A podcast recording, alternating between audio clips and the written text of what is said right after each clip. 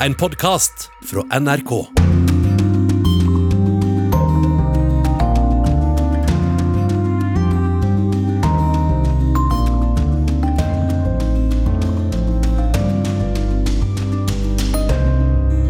Det er gode koronanyheter når stadig flere vaksiner er klart til bruk.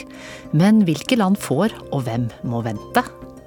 Etter ti år med borgerkrig opplever Syria at flere tar sitt liv. Hvordan hindre selvmord i et land der det er tabu å snakke om? En bok om incest topper bestselgerlisten i Frankrike. Det er håp om strengere straffer for overgripere.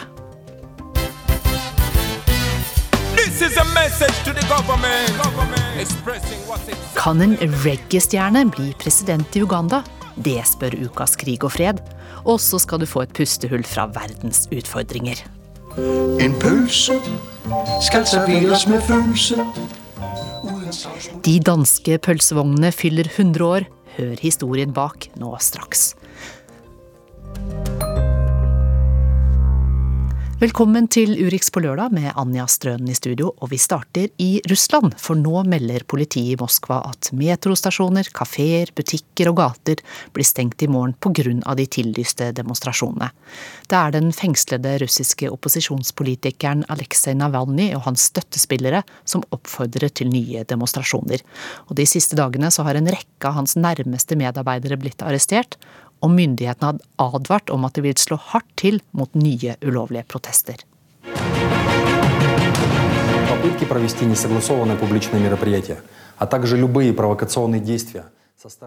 Demonstrasjonene som er varslet i morgen er ulovlige, og de som deltar kommer til å bli stilt til ansvar, advarer en representant for påtalemyndigheten i det statlige fjernsynets nyhetssendinger. Alt tyder på at de russiske myndighetene nok en gang er klare til å gå hardt til verks mot dem som krever at regimekritikeren Aleksej Navalnyj blir løslatt fra varetektsfengsel. Han og hans medarbeidere oppfordrer likevel til nye protester. Я у- у- уголовных арестов не боюсь, э, и, э, конечно, трудно сказать, что я к этому готова. Да? Jeg er ikke redd for å bli arrestert og anklaget for kriminell virksomhet. Jeg kan ikke si at jeg er forberedt på det, men jeg vet at stillhet, frykt og likegyldighet er farligere. Det sa Ljubov Sobol, en av Navalnyjs nærmeste medarbeidere, på en pressekonferanse tidligere denne uka, før hun ble arrestert og holdt innesperret i to døgn. Flere av Navalnyjs støttespillere har fått hjemmene sine ransaket av politiet, og datamaskiner har blitt beslaglagt.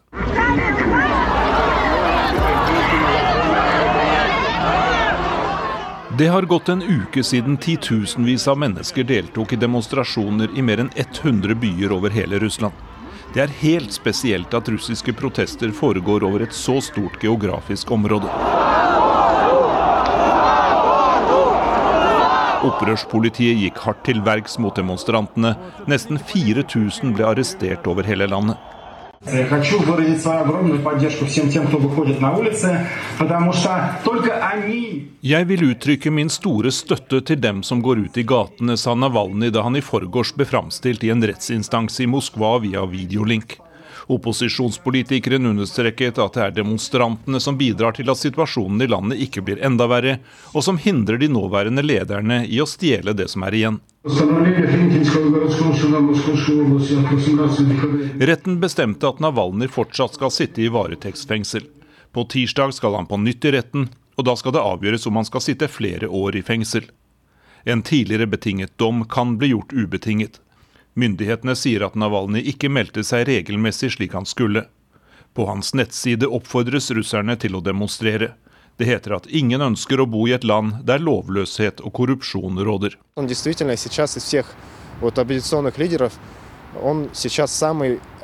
Til å begynne med var jeg ingen tilhenger av Navalny, sier den 35 år gamle bloggeren Dmitrij Gatsjibekov til NRK. Men etter hvert har han skiftet mening, og han mener nå at Navalny er den eneste russiske opposisjonslederen med autoritet og troverdighet. Særlig det at regimekritikeren reiste tilbake til Russland, selv om han visste at han risikerte mange år i fengsel, har imponert Gadsjibekov.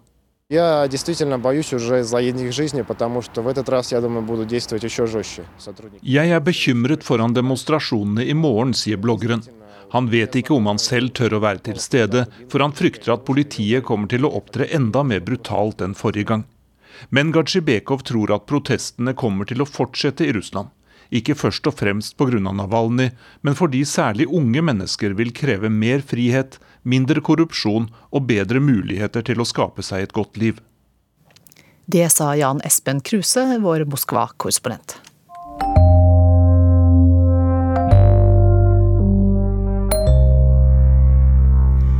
Kampen om koronavaksinene har preget nyhetsbildet denne uka. Hvilke vaksiner er godkjent, hvem får, hvor mye, hvem må vente. På den norske menyen så står nå fem vaksiner, men Halvard Sandberg, du som følger med på denne utviklingen, hvordan ser vaksinesituasjonen ut ute i verden?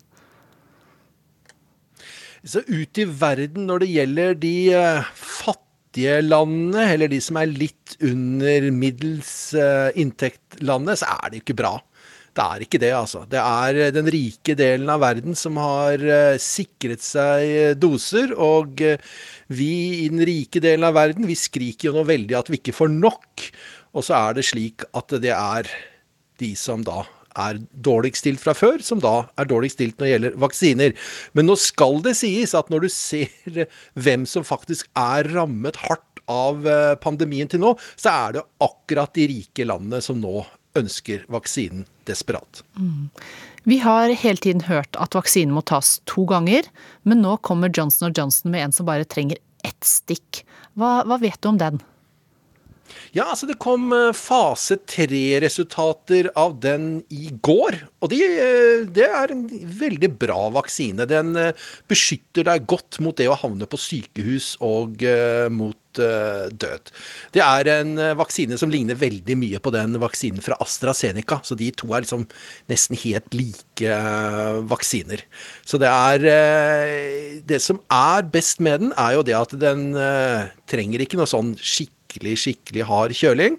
Og så er det slik at den eh, er eh, da én dose, så det er eh, veldig enkelt for land også å administrere det. Får de tak i noen, så er de vaksinert der og da. Du bør ikke kalle dem tilbake igjen til vaksinestasjonen. Men er den da like god mot disse muterte variantene? Ja det er det som er problemet. Det er to vaksiner som har kommet nå eh, med fase 3-resultatene i løpet av eh, bare de siste to døgnene. Det er også en vaksine fra Novavax. Og eh, når du så resultatene fra den i Sør-Afrika, mm. så var det ikke helt oppløftende. Fordi at den virket veldig godt mot den britiske varianten, for å kalle det, eller den varianten som dukket opp i Storbritannia. Det virket den veldig godt, så det er jo, er jo bra. Men i Sør-Afrika så virket den ikke ikke bra. Slik at det er nå et spørsmål om hvor lenge varer vaksinene, og om de vil virke like godt mot de variantene vi kjenner til, og de variantene som vi dessverre må forvente komme. Så det et, eh, ligger an til å bli et slags sånn kappløp globalt om å stadig utvikle nye vaksinevarianter for å slåss mot de nye oppdukte variantene. Det kan godt hende at vi eh, er i en situasjon hvor alle må da få en ny vaksine hvert år. Og i den vaksinen så fins det da eh, ja, motmiddel mot i hvert fall tre forskjellige varianter som da dominerer. Takk skal du ha for at du følger med for oss, eh, Halvard Sandberg.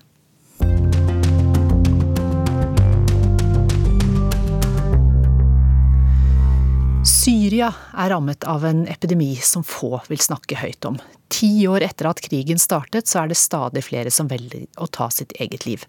Og det er spesielt utfordrende i et land der selvmord er skambelagt og psykisk hjelp er så å si ikke-eksisterende. Jeg trives ikke med livet mitt. Soha er 25 år. Hun er på legebesøk i Binazaz, nordvest i Syria. Hun forsøkte å ta sitt eget liv for en kort tid siden. Soha er ikke den eneste som har forsøkt å gjøre det. Bare de siste halvåret har 246 syrere tatt sitt eget liv. 1748 andre har forsøkt å gjøre det samme. Men det er store mørketall.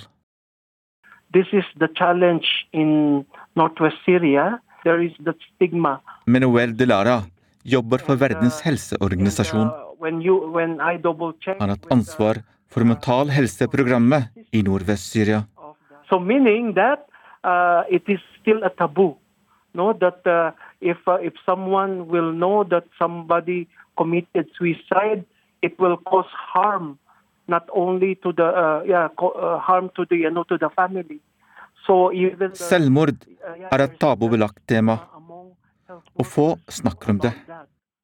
So they changed the, cause of death instead of uh, of Helsepersonell endrer dødsårsaken i papirene til noe helt annet, fordi de vet at det ville skade familiene, forteller Delara på telefon fra byen Gaziantab, like ved grensa til Syria. Ti år med krig har slitt på syrere. Tolv millioner er drevet på flukt. Mange av dem bor i telt under vanskelige forhold. Dr. Mohammed Sato er psykiater ved et sykehus i Idlib-distriktet. Han har sett mange kolleger forlate landet pga. krigen. Nå er han den eneste psykiateren som jobber på heltid i hele Nordvest-Syria, et område med fire millioner mennesker. To millioner av dem er interne flyktninger. فهي من أهم أسباب الانتحار جينا نحن الظروف الصعبة اللي عم يعيشها الناس Årsakene til selvmord er mange. Det er flukt, økonomiske problemer og boforhold, forteller doktor Sato. Med hjelp fra lokale journalister i Syria kom NRK i kontakt med leger, pasienter og vanlige folk i området. Folk her har ikke sympati for de som ikke ønsker å leve lenger. Situasjonen er vanskelig her. Men det er ikke en grunn til at man skal ta sitt eget liv, forteller Kamal Sukkar i byen Idlib. Selvmord er i strid med islam, sier Ali Ahmed. Vi må hjelpe hverandre. De som har penger, må gi de til de fattige, forteller han.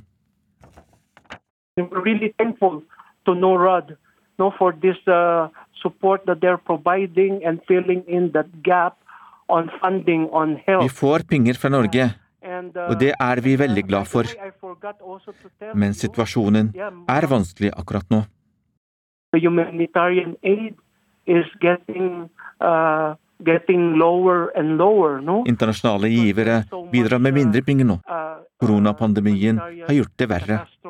now and we have this COVID-19 pandemic.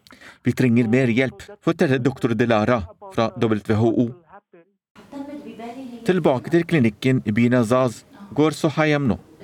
Flere står fortsatt på venteliste for å få hjelp. WHO har opprettet en hjelpetelefon, der syrere kan ringe inn hvis de trenger hjelp. Det store spørsmålet er om folk tør å ringe inn. Ja, Det fortalte reporter Mohammed Alayobi. Og vi skal holde oss til selvmordsutfordringene i Syria, prøve å forstå hva som foregår. Velkommen, Erik Fosse. Takk. Du er lege, og ikke minst president i den humanitære hjelpeorganisasjonen Norvak, som hovedsakelig samarbeider med lokale helsemyndigheter da i Midtøsten. Eh, Du har vært mye i Syria de siste årene. Hva tenker du om det du hører fra Mohammed Adayobi sin reportasje her? Nei, det er jo ikke overraskende. Eh, Dette er jo mennesker som Idlib-provinsen er jo for det første et område hvor det er veldig mange flyktninger. I deler av den provinsen er befolkningen femdoblet, og de lever under veldig dårlige forhold. Eh, De undersøkelsene han viser til, der er det jo også gjort eh, en del undersøkelser hvor de har spurt hvorfor folk, folk som da har truet med å begå selvmord. Og det, det de sier, det er jo familiære forhold, økonomi. Ganske ofte de samme tingene vi ser her i Norge, men det er klart at familiære problemer og økonomi blir jo mye verre når du lever som flyktning og ikke ser noe særlig enn lys i tunnelen noe sted. Mm.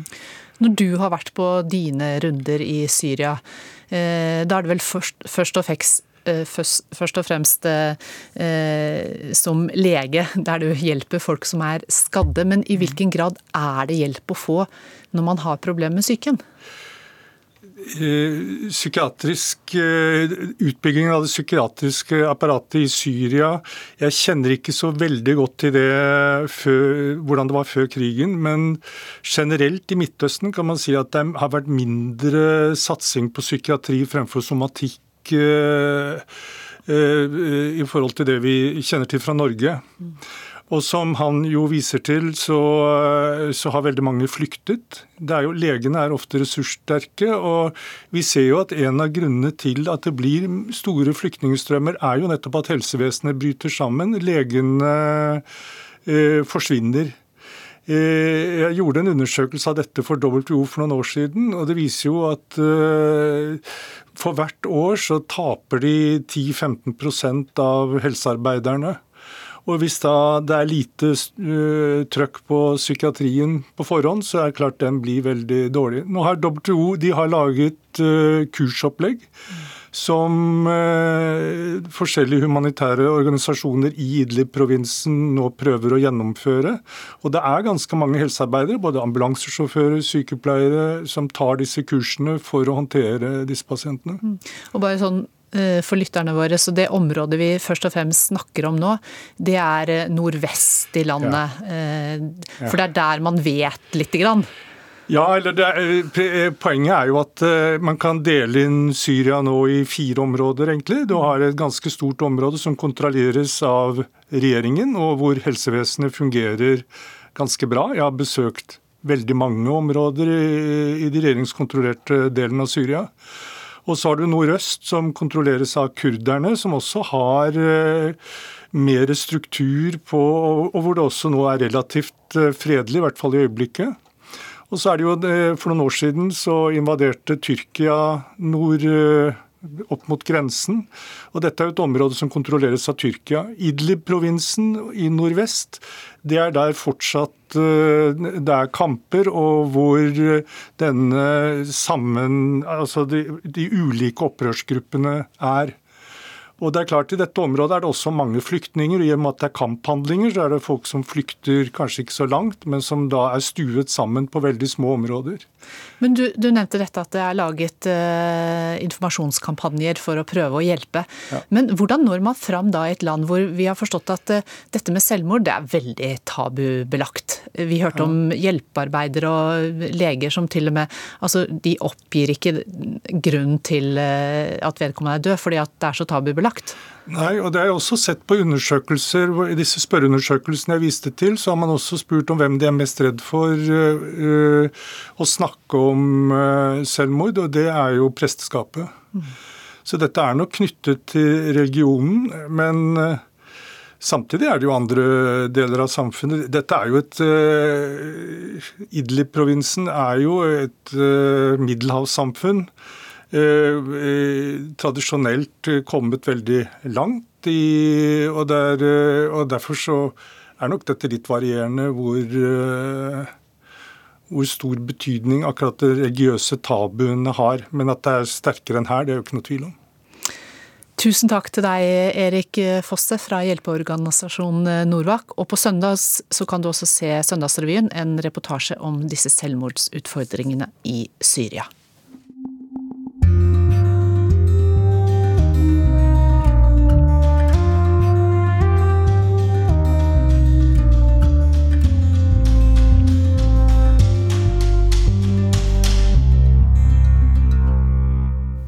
På kort tid så har titusener i Frankrike delt emneknaggen Metoo incest, der folk forteller om overgrep i familien. Hver tiende person i Frankrike har vært utsatt for incest, viser en helt ny statistikk.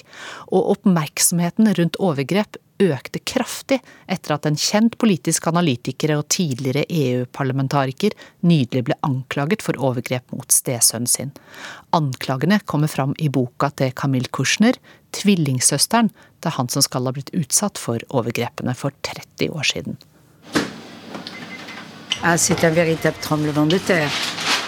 Dette er en jordbävning som skakar hele Paris elit, sier Nicole Marouani, bokhandelsägare i södra Paris. Incest kan ske i både fattige og rika familjer og det lockar läsarna, sier hun til meg. Boken er en bestseller. I min lilla kvartersbokhandel har vi sålt minst 100 exemplar på bara en månad. En jättesiffra, säger hon. Là, je pense qu'on est presque à 100, je crois. Wow! Oui, oui, je pense. C'est beaucoup pour un librairie de quartier. Ah oui, oui, oui. En un mois. Hein. En känd fransk statsvetare och före detta EU-parlamentariker ska ha förgripit sig på sin stesson när denne var 14 år gammal. Övergreppen ska ha skett i pojkens rum under minst två år. Först nu när pojken växt upp och blivit 45 år gammal har incestskandalen avslöjats genom boken La Familia Grande. Den er skriven av offrets egen tvillingsyster Camille Kouchner. Min stefar beter seg som om ingenting alvorlig har hendt. Men han måtte vel likevel inse hvilken ondske han har ført med seg, sier forfatteren her i en tv-intervju. Donc il doit bien savoir le mal qu'il nous a fait. Quoi. Malheureusement, je vois euh, son indifférence, euh, bah, j'en reviens pas. En av tio fransmän har varit utsatta för incest. Det visar färsk statistik. Denna kriminella handling är alltså inte ovanlig. Vad är det då som gör just denna skandalen så extra tung? Ja, det er klart. Det er ju en stor skandal i den parisiske eliten. Uh, han har ju varit där en viktig figur i de siste 40 årene. Norsk-svenska statsvetaren Benedikte Berner her arbetar på skolan Sciences Po der den anklagede mannen haft en topposition. Uh, jeg kjente han ikke, men uh, jeg er klart at jeg er enormt sjokkert. Skolan Sciences Po i Paris former mange av den franske og internationella industrins og politikens framtida elit. Til og fra finnes der også norske studenter.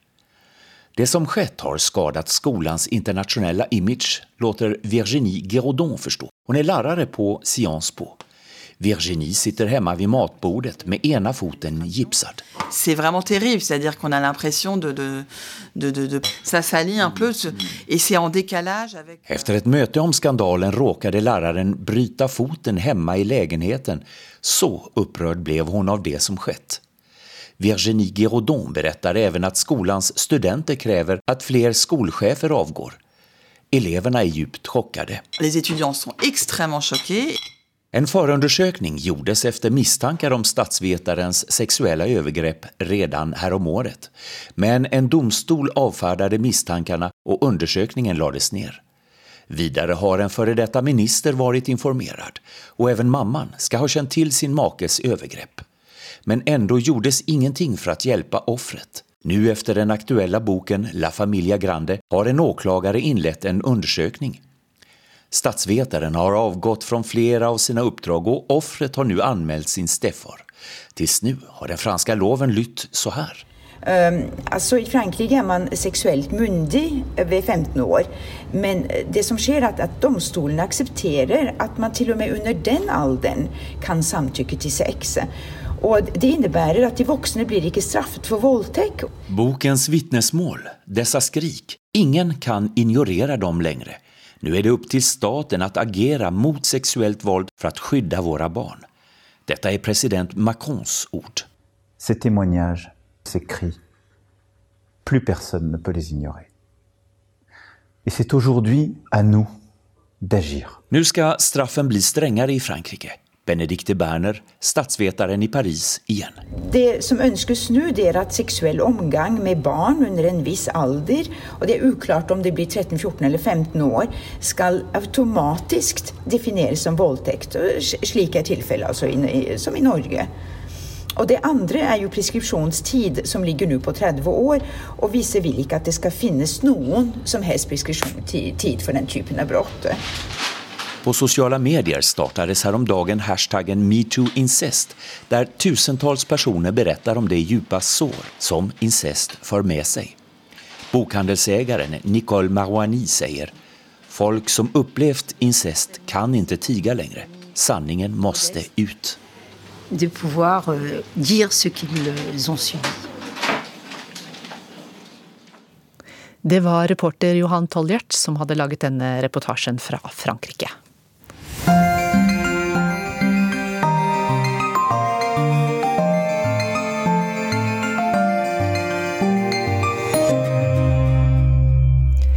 Danmark markeres et spesielt jubileum i disse dager. Pølsevognene har trillet i gaten i 100 år, og de er blitt en del av danskenes kulturarv og folkesjel. En pølse skal serveres med følelse, uten savsmuld og strøelse, og på tretårnet sølv. Mm. Like rødt og dansk som flagget er pølsene som selges fra byens vogner. De er en nasjonalrett. Danskene begynte å farge dem i de harde 30-årene. I kødbyen i København ble kjøtt med tvilsom lukt tilsatt nitrat og solgt til den fattige delen av befolkningen, sammen med en oppfordring om å koke pølsene lenge og vel.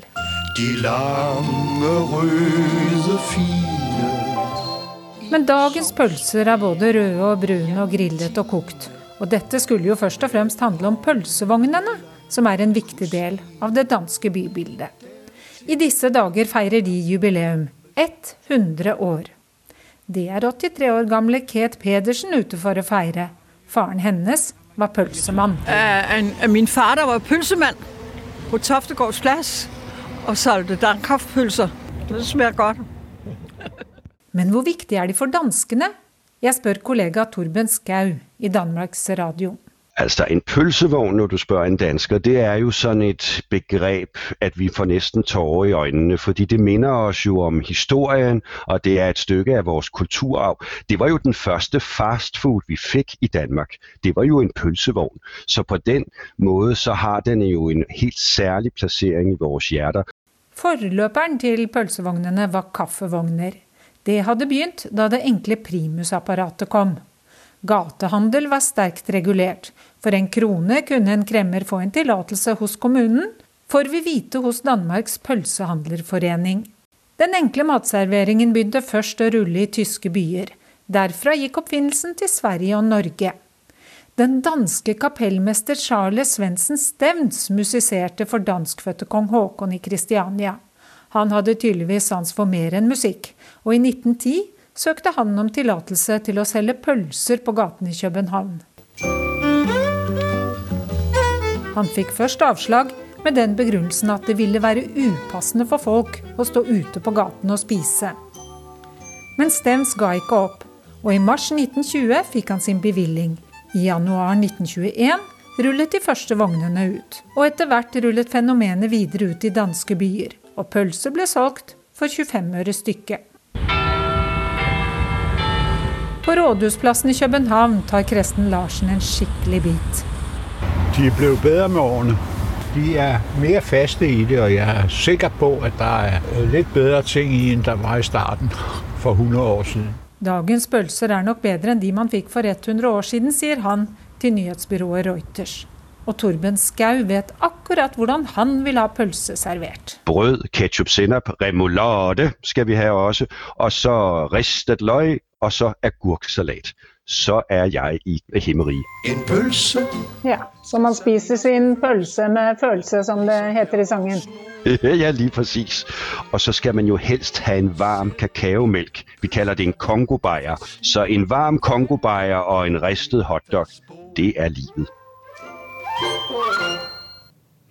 Ja, det sa Torben Skau til eh, reporter Marit Kolberg. Og i ukas korrespondentbrev så skal du få bli med Arnt Stefansen til en reise i Amazonas og urfolkets utfordringer. Det kiler i magen av spenning når jeg ser ut av flyvinduet. Det er ikke ofte jeg opplever dette lenger, etter nærmere 50 år med reising til mange verdenshjørner. Stort sett drar jeg til steder jeg kjenner, eller til steder som har mye til felles med de jeg kjenner. Men dette er noe helt annet. Fra det lille propellflyet ser jeg ut på et hav av grønt. Skog så langt øyet rekker, og noen innsjøer og elver. Jeg er i øvre Rio Negro, helt nordvest i Brasil. Herfra er det bare noen mil opp til grensene mot Colombia og Venezuela. Og selv om jeg bor i Rio de Janeiro, er det en lang reise. Omtrent som fra Oslo til Kairo. Øvre Rio Negro er et urfolksområde på hele 80 000 kvadratkilometer, en femtedel av Norge. I dette reservatet er det rundt 25 000 innbyggere i 23 urfolksstammer. Og i motsetning til andre deler av Brasil er urbefolkningen i flertall her i nordvest. Det er en to timers flytur fra Amazonas-hovedstaden Manaus og frem til mitt reisemål, småbyen San Gabriel da Cachoeira. På norsk blir det Engelen Gabriel ved fossen. Fossen er ikke høy, men den er desto bredere. Og den er et praktfullt skue med den mektige Rio Negro-elven som flyter i raske stryk, rammet inn av Amazonasjungelens grønne skjønnhet. Jeg er i et paradis og området er til en viss grad et bilde på urfolkets Brasil slik det en gang var. I øvre Rio Negro er urfolket i stor grad herrer i eget hus. Men det er slett ikke alle som mener at urfolkene fortjener disse områdene. En av dem som er uenig, er Brasils president Jair Bolsonaro. Ifølge ham og hans støttespillere er det urimelig at noen hundre tusen urinnvånere skal legge beslag på så store områder. De må dele sin jord med andre brasilianere, sier han, og han har satt i verk en politikk som oppmuntrer bønder, tømmerhuggere, gullgravere og energiselskaper til å drive virksomhet i urfolksområdene. Bolsonaros politikk har gjort fremtiden vår mer usikker enn på svært lenge, sier Edson Barré. Her i Rio Negro-området har vi fått til mye, og vi har sikret våre rettigheter. Men presidenten vil endre selve grunnloven, og dermed kan alt skje, sier han. En 20 minutters tur i småbåt bringer meg over den mektige Rio Negro-elven og til Dao-stammens lille landsby. På elvebredden blir jeg møtt av et stort skilt med teksten 'Teja protegida', beskyttet landområde, og underteksten 'Adgang forbudt for uvedkommende'. Det er så visst ikke bare å spasere inn i et brasiliansk urfolksreservat. Det krever en spesiell tillatelse fra Brasils urfolksdirektorat, og er en byråkratisk prosess. Men en anbefaling fra Fuirn er tillatelse god nok, og jeg blir tatt vel imot av Dou-stammens myndige høvding Auxiliadora Silva. Etternavnet Silva er det offisielle som står i folkeregisteret, men i likhet med resten av det brasilianske urfolket bruker hun til daglig stammens navn og kaller seg Auxiliadora Dau. Hun viser meg rundt i den lille landsbyen som har rundt 70 innbyggere, og overalt får jeg høre den samme historien at de er redde for den nye presidenten, og at de frykter at naturen de lever av, skal bli ødelagt. Det var i urskogen vår kultur oppsto, sier høvdingen alvorlig, mens hun forbereder et fiskemåltid til familien. Og skogen er helt nødvendig for at våre folk skal fortsette å eksistere, sier hun. Til presidentens krav om å åpne reservatene for andre brasilianere har hun dette å si. Problemet er at vi og de hvite tenker helt forskjellig. De hvite vil bli rike. Derfor trenger de mye jord, og det fører til at naturen blir ødelagt. Vi urfolk tenker ikke slik. Vi bruker bare det vi trenger for å leve, sier hun. Tilbake i San Gabriel da Cachoeira møter jeg igjen Edson Barré i urfolksorganisasjonen Foirn. Han nikker ettertenksomt når jeg forteller om mitt besøk hos Doe-stammen. Det er akkurat slik det er, sier han. Vi urfolk har en livsform som beskytter naturen. Vi har i alle år fått høre at vi står i veien for fremskrittet. Men i dag skjønner de fleste at fremskritt er å ta vare på regnskogen her i Amazonas, ikke å erstatte den med soyafarmer og damanlegg. Vår kamp handler om mye mer enn å redde oss selv. Den handler om å redde kloden og alle som bor her, sier talsmannen for urfolket her i Brasil. Kan en reggae-musiker bli regjeringssjef? Ukas Krig og fred-podkast ved Tor Moland og Tove Bjørgaas gir deg svaret. Vi er litt lei av presidentvalg og maktkamp i et stort land som begynner på U nå, Tove, er vi ikke det? Ja, noen er kanskje det. Så derfor så tenkte jeg at i dag skulle vi snakke litt om presidentvalg og maktkamp i et stort land på U. Så det tenkte du? Uganda. Ah. Der har de en gammel president som har hatt makta i 35 år nå. Og en ganske så mye yngre musiker som har fått ungdommen med seg på å utfordre ham. Popstjerna som vil bli president? Bobby Wine heter han. Fansen kaller ham bare gettopresidenten. Du hører på Krig og fred med Tove Bjørgaas Og Tore Moland. Message to the government, government. expressing what's exactly on the people's mind. Og musikken hans er en slags blanding av reggae, dancehall og afrobeat, og visstnok da inspirert av Bob Marley fra Jamaica. Og låta heter Freedom, og tekstene er ikke til å misforstå.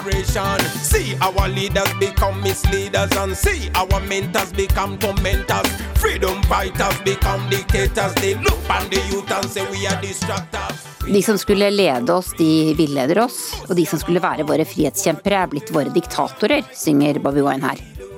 Gettopresidenten har blitt kallenavnet til popstjerna Bobby Wine etter at han gikk inn i politikken. Med sånn knallrød militær alpelue på hodet. Pynta med ei diger gullstjerne. Og med slagordet 'People power, our power'. Folkemakt er vår makt. Og så kjører han svart Cadillac, der det bare står 'getto' på nummerskiltet. Yo. Yes, man, like Martin Luther said, in the end, we remember not the words of our enemies, but the silence of our friends. Hallå Tora, hører du meg?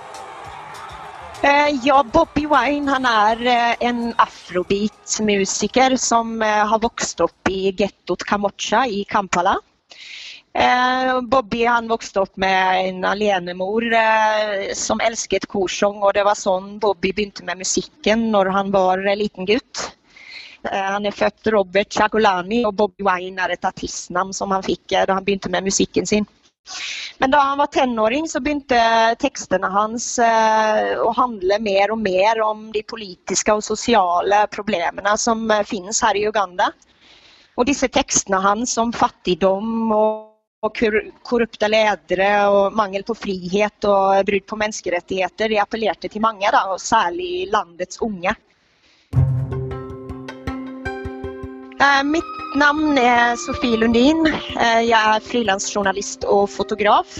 Eh, Nå befinner jeg meg i Uganda, der jeg lager reportasjer og fotodokumentarer. eh, Eh, Og det som driver meg i arbeidet mitt, er å lage historier om hendelser og mennesker som vanligvis ikke blir prioritert i vanlige medier. Et av de virkelig store problemene er den høye arbeidsledigheten blant unge. Eh, Over 80% av landets befolkning er under 30 år.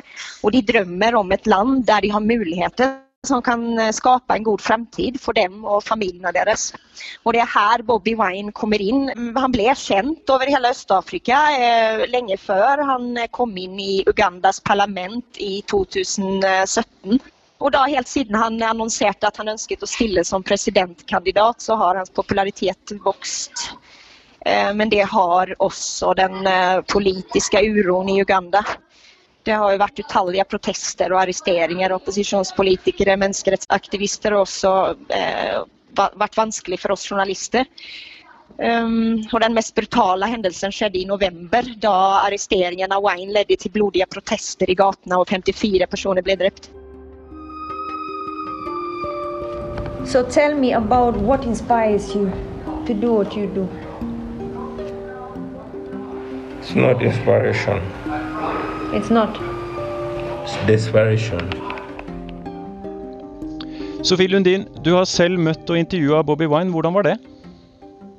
Eh, Det var veldig spesielt. Jeg har møtt Bobby Wine eh, flere ganger nå, men jeg hadde prøvd å få til en avtale med han i månedsvis. Da jeg kjørte inn på denne veien hans, som ironisk nok heter Freedom Drive, så jeg må innrømme at jeg var litt nervøs og banket på den sorte porten, og plutselig åpner en, en svett mann i boksehansker. Jeg ble tatt med inn til, eh, i, i hagen til Bobby Wine. Han har et sånt lite treningsstudio ute i, i hagen.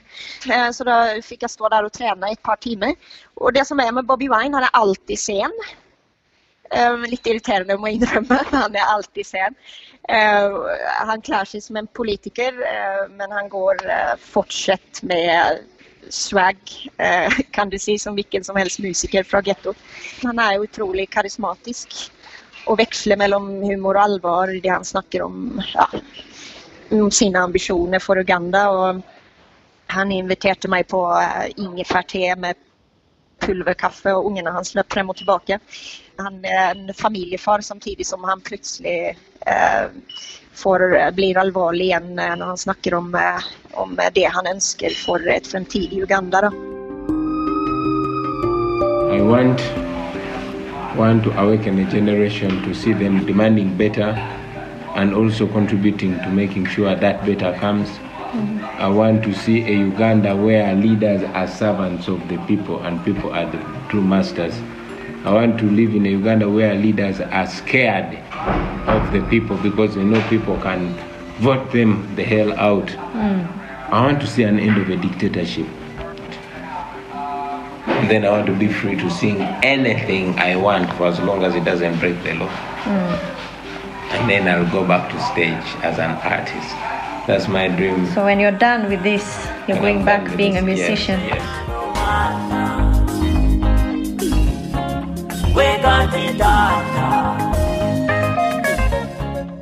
Altså, han har jo denne stilen sin. Han har denne klesstilen. Han har en uh, rød militær alpelue. Han har denne gullstjernen. Han har en svart Cadillac med nummerskiltet Getto. Det er litt sånn bling med Bobby Wine? Jeg tror uh, han, han, ønsker å opprettholde den, uh, litt av den stilen som han, uh, som han har hatt i gamle dager. Og Det er også det som gjør at han vinner popularitet blant de unge fremdeles. For de føler nok at de kan han er ikke den ordinære, vanlige politikeren. Han er også fortsatt en person som, som de kan føle at de kjenner seg igjen i på noen som helst måte, kanskje. Kanskje det er det.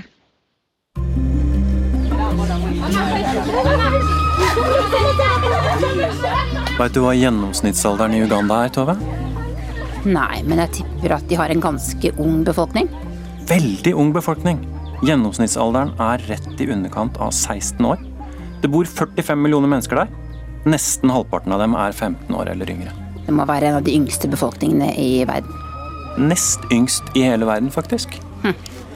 Og så med en av de eldste, eller iallfall lengst sittende lederne. Ikke så rart det blir noen spenninger, kanskje.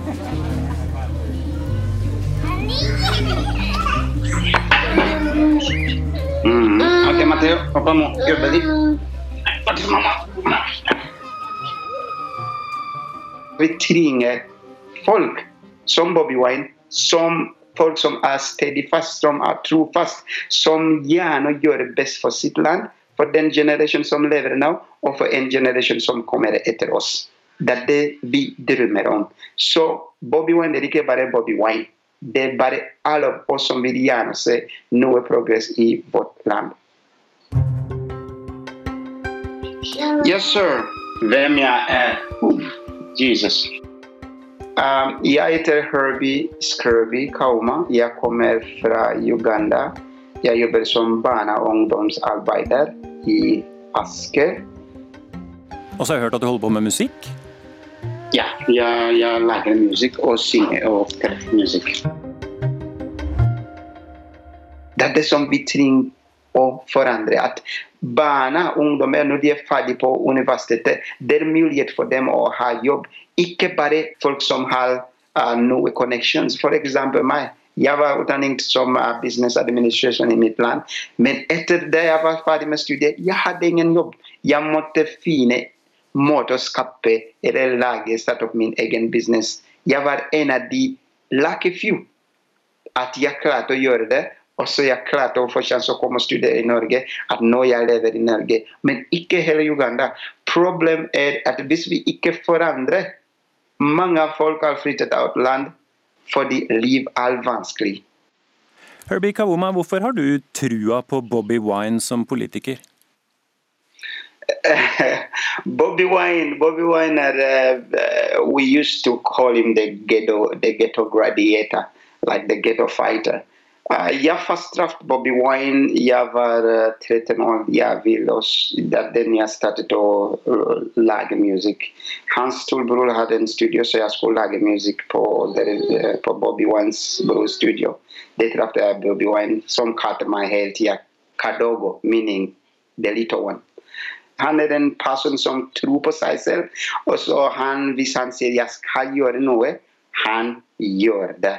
Så han har vært den forbildet for mange ungdommer, mest i Uganda. Som han har lagd så mange musikk som er ikke bare om 'la oss feste, la oss drikke', men han sang om sanger som kan forandre. Dette er en, en Bobby Wine og en ghetto child som vokste opp også som i dag vil gjerne hjelpe å forandre sitt land. Hva synes du om det presidentvalget som nettopp ble avholdt? Det var ikke et rettferdig valg. Og it wasn't a free and fair election. Det kan jeg si.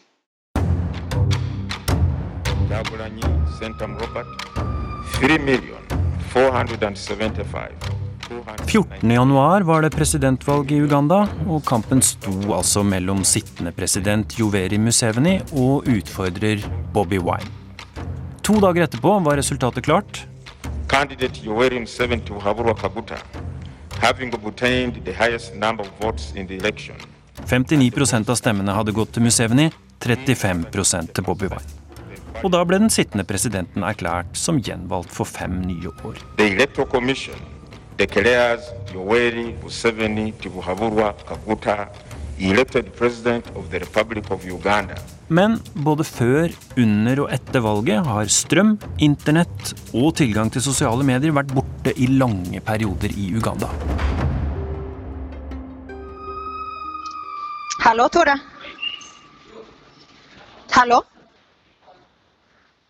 Beklager, altså. Det her er uh, vanskelig. Er det rett og slett myndighetene som skrur av internett og hindrer tilgangen til sosiale medier i forbindelse med valget, Sofie Lundin? Eh, ja, altså myndighetene har gitt beskjed til teleoperatørene. De ga beskjed til de. Hører du meg?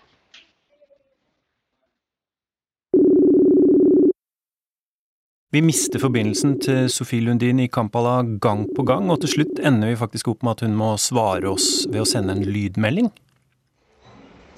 Internett eh, ble stengt av myndighetene før valget, og selv om det delvis er tilbake, så er det ofte treigt, og enkelte ganger så har man ingen forbindelse i det hele tatt. Eh, det begynte med Mussevenis tale på TV, der han sa at han var sint på Facebook fordi de har stengt enkelte kontoer og tatt bort meldinger relatert til hans parti NRM. Han mente at eh, Facebook tok side i ugandisk politikk, noe han ikke aksepterte, og så ble Facebook og alt annet som eies av Facebook, stengt. Så kom valget, og hele internett forsvant. Det var noe som ble sterkt kritisert her. Eh, for mens myndighetene mener at det var nødvendig for å forhindre kaos og spredning av falsk informasjon, så sier eh, lokalbefolkningen at dette er et sterkt brudd på menneskerettighetene. Alle har rett til informasjon, og det å hindre folk fra å få informasjon og kommunisere med folk, det er et tegn på at valget ikke er fritt og rettferdig slik de hadde lovet. En nokså ung mann med militærgrønn skyggelue og skjorte tar makta og lover bedre tider for Uganda.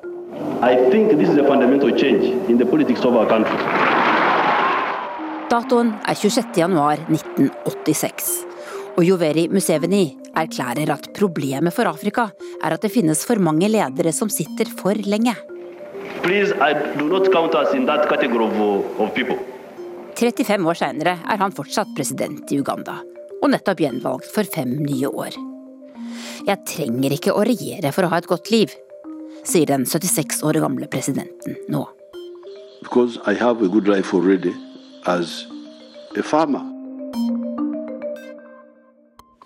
Grunnen til at jeg ble, jeg må si, at jeg ble godt kjent med ledelsen i landet, da, det var jo fordi at president Museveni han er opptatt av to ting. Det ene er å drive landet sitt, og det andre er øh, krøtter. Ja, jeg heter Arild Redtvedt Øyen.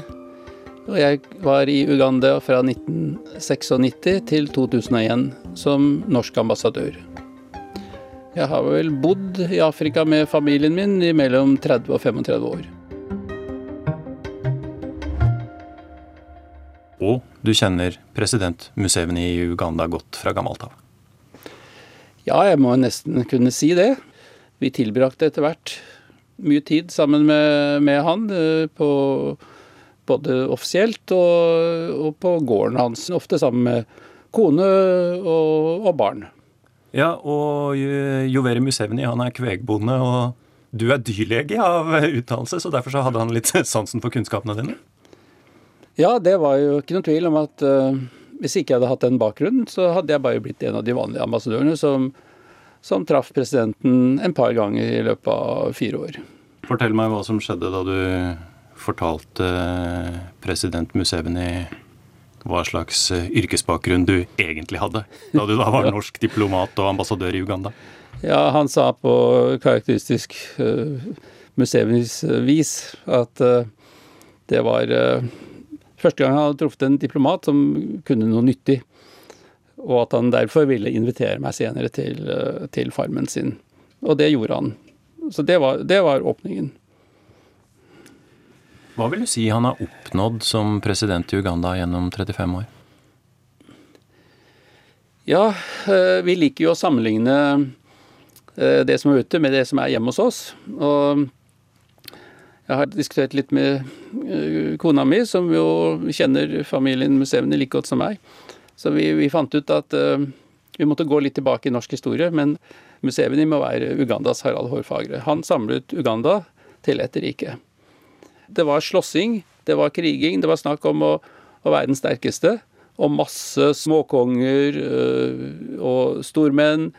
Men til slutt en blanding av militær innsats koalisjoner og ikke minst eh, ekteskap, så, så klarte han å få nok støtte til å bli utnevnt til president i 86.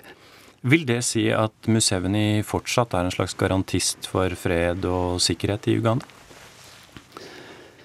Det er nok, eh, til tross for det som vi leser og hører fra opposisjonen osv., mange som ser på han som det. Men det er nok det, særlig den eh, eldre garde da, som, eh, som, tenker på den måten. Unge mennesker. Så er det klart at de, de, har helt sikkert De lever i en helt annen verden. Så da er det på sett og vis en generasjonskonflikt da, som ja, det, står oppe Det er det. Og, og hva som vil skje fremover nå, det øh, Og vi ser jo på tallene. Støtten hans den har gått veldig ned. Og det ser han jo. Hva er det han ikke har fått til, da? Nei, Det han blir kritisert for, er jo at han uh, ikke har uh, gått av for lenge siden. At ikke han har funnet et system med en naturlig overbringelse av makt til nye mennesker. Og det er jo det som er bekymringen i dag. Hvordan skal det skje? For han eh, kommer jo ikke til å kunne sitte til evig tid. Uh, outside one of the gates, there are more than 80 soldiers Right now I'm talking to you from inside the house. Jeg sitter inne i huset mitt, og utenfor porten står det i hvert fall 80 soldater å passe på. De slipper meg ikke ut, sier Bobby Wine på telefon til journalistene på utsida. Han har akkurat fått beskjed om at han har tapt presidentvalget i Uganda. Bobby Wine kaller det skamløst juks og løgn. Men popstjerna og opposisjonslederen er altså plassert i husarrest etter valget midt i januar. Hva er situasjonen i Uganda nå etter valget, Sofie Lundin? Akkurat nå eh, som vi snakker, så fikk jeg en melding fra eh, noen av kollegene mine her om at eh, Bobby Wine har blitt sluppet ut fra husarresten som han har vært i siden 15.1. Det har ellers vært veldig rolig eh, rundt i Uganda. Det det går i gatene, så det, virker det nesten mer stille enn det noen gang har vært. Og det kan ha å gjøre med at eh, det er fortsatt veldig eh, stor tilstedeværelse av politi og militær eh, rundt i gatene. Fikk du med deg noe av det, Tore? I come from the black, yellow, and red, symbolizing a beautiful nation gifted by nature.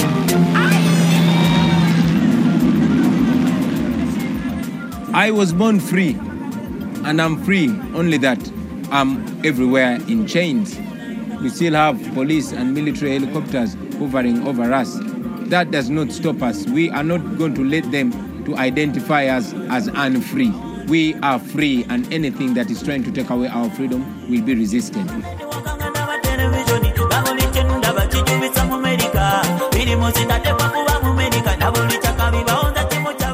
Du har hørt Krig og fred, en podkast fra NRK Urix. Lydregien var ved Lisbeth Sellereite.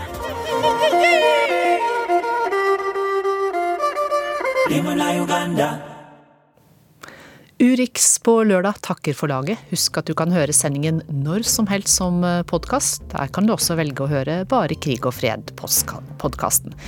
Teknisk ansvarlig var Ida Larald Brenna, produsent Idun Lavik og i studio Anja Strøn.